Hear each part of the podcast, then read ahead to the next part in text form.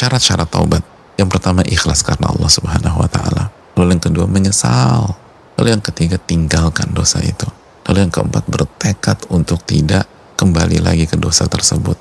Adapun kalau Qadar Allah setelah taubat kita terjatuh lagi, maka taubatnya sah apa tidak? Sah. Tapi kita harus taubat lagi. Lalu yang berikutnya bertobat di waktu diterimanya taubat. Dan waktu diterimanya taubat secara umum kapan?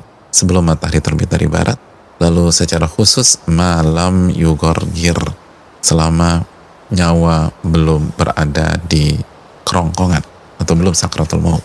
Dan yang keenam, jika dosa itu berkaitan dengan hak manusia, maka harus diselesaikan